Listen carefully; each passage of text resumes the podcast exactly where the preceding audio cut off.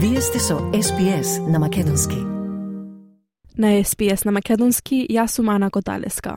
Сојузната влада се соочува со притисок категорично да отврли какви било промени во доношните намалувања кои треба да стапат на сила во 2024 година. И настаните за собирање политички средства во парламентот се очекува да бидат укинати пред сојузниот буџет на крајот на овој месец. Ви го пренесуваме прилогот на Маркес Мегалокономос за SBS News со повеќе информации.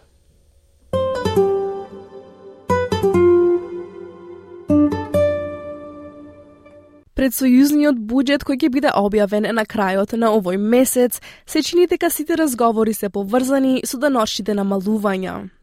Сојузната министерка за ресурси Маделайн Кинг во разговор со Sky News вчера рече дека владата не планира да ги промени деношните намалувања во третата даночна категорија.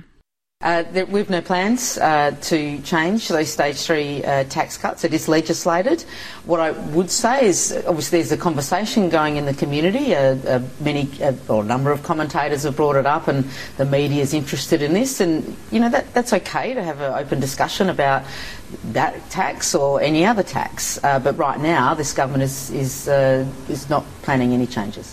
Некои економисти велат дека даночните намалувања кои во голема мера ќе бидат од корист за оние со високи примања во Австралија треба да се преиспитаат поради влошената економска состојба на Австралија и надвор од земјава.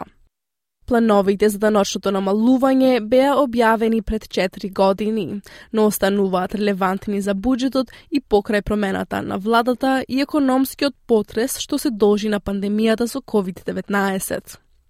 Водачот на опозицијата Питер Датен во неделата за програмата Insider на ABC изјави дека премиерот треба да ја разјасне позицијата на лабористите за ова прашање. We went to the last election with a promise, and I'm not in the business of breaking promises. So the Prime Minister can contemplate it. Uh, he looked the Australian public in the eye, and it seems that uh, he wasn't so genuine and that he was prepared. Mm to make that uh, so statement. If, if, if Labor did wind these on, back on at the top, it. if Labor did wind these back at the top, you go to the next election promising to restore them. That, that's, that's our policy, David, and we've been clear about it because it doesn't start until July of 24. Даношните намалувања на третата фаза е последниот дел од планот на владата на Скот Морисен за реформа на даношниот систем на Австралија. Седумгодишниот план за намалување на личниот данок на доход во три фази беше поставен од тогашниот благајник Скот Морисон во сојузниот буџет за 2018 година. Според планот кој веќе помина низ парламентот, маргиналната даночна категорија од 37% ќе биде укината и граничната даночна стапка од 32,5% ќе биде намалена на 30%. Освен тоа, прагот за маргиналната даночна стапка од 45% ќе биде зголемен, што значи дека секој што заработува помеѓу 45.000 долари и 200.000 долари ќе ја плати истата даночна стапка од 30%. Тоа ќе го чини буџетот 244 милиарди долари во текот на 10 години. Пратеникот Енгас Тейлор од редовите на либералите вели дека целта е австралиците со среден приход да можат да задржат поголем дел од она што го заработуваат.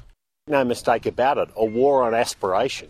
This is about middle Australia making sure they can earn or keep more of what they earn, making sure that those hard-working Australians uh, don't suffer from bracket creep. We're seeing extraordinary inflationary pressures right now, and we know with inflation the average Australian pays a higher rate of tax.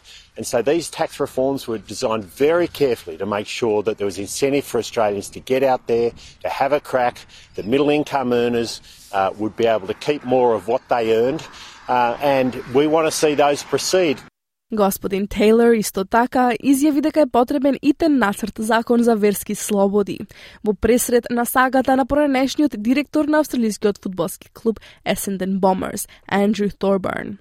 Господин Торберн поднесе оставка како извршен директор на клубот еден ден по неговото назначување, поради неговата улога како председател на црква со поделени ставови околу абортусот и хомосексуалноста.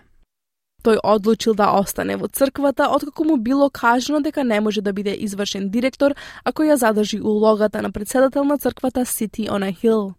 Господин Тейлор вели дека со толку многу различни вери за Австралија, толеранцијата и различноста за овие прашања се од суштинско значење.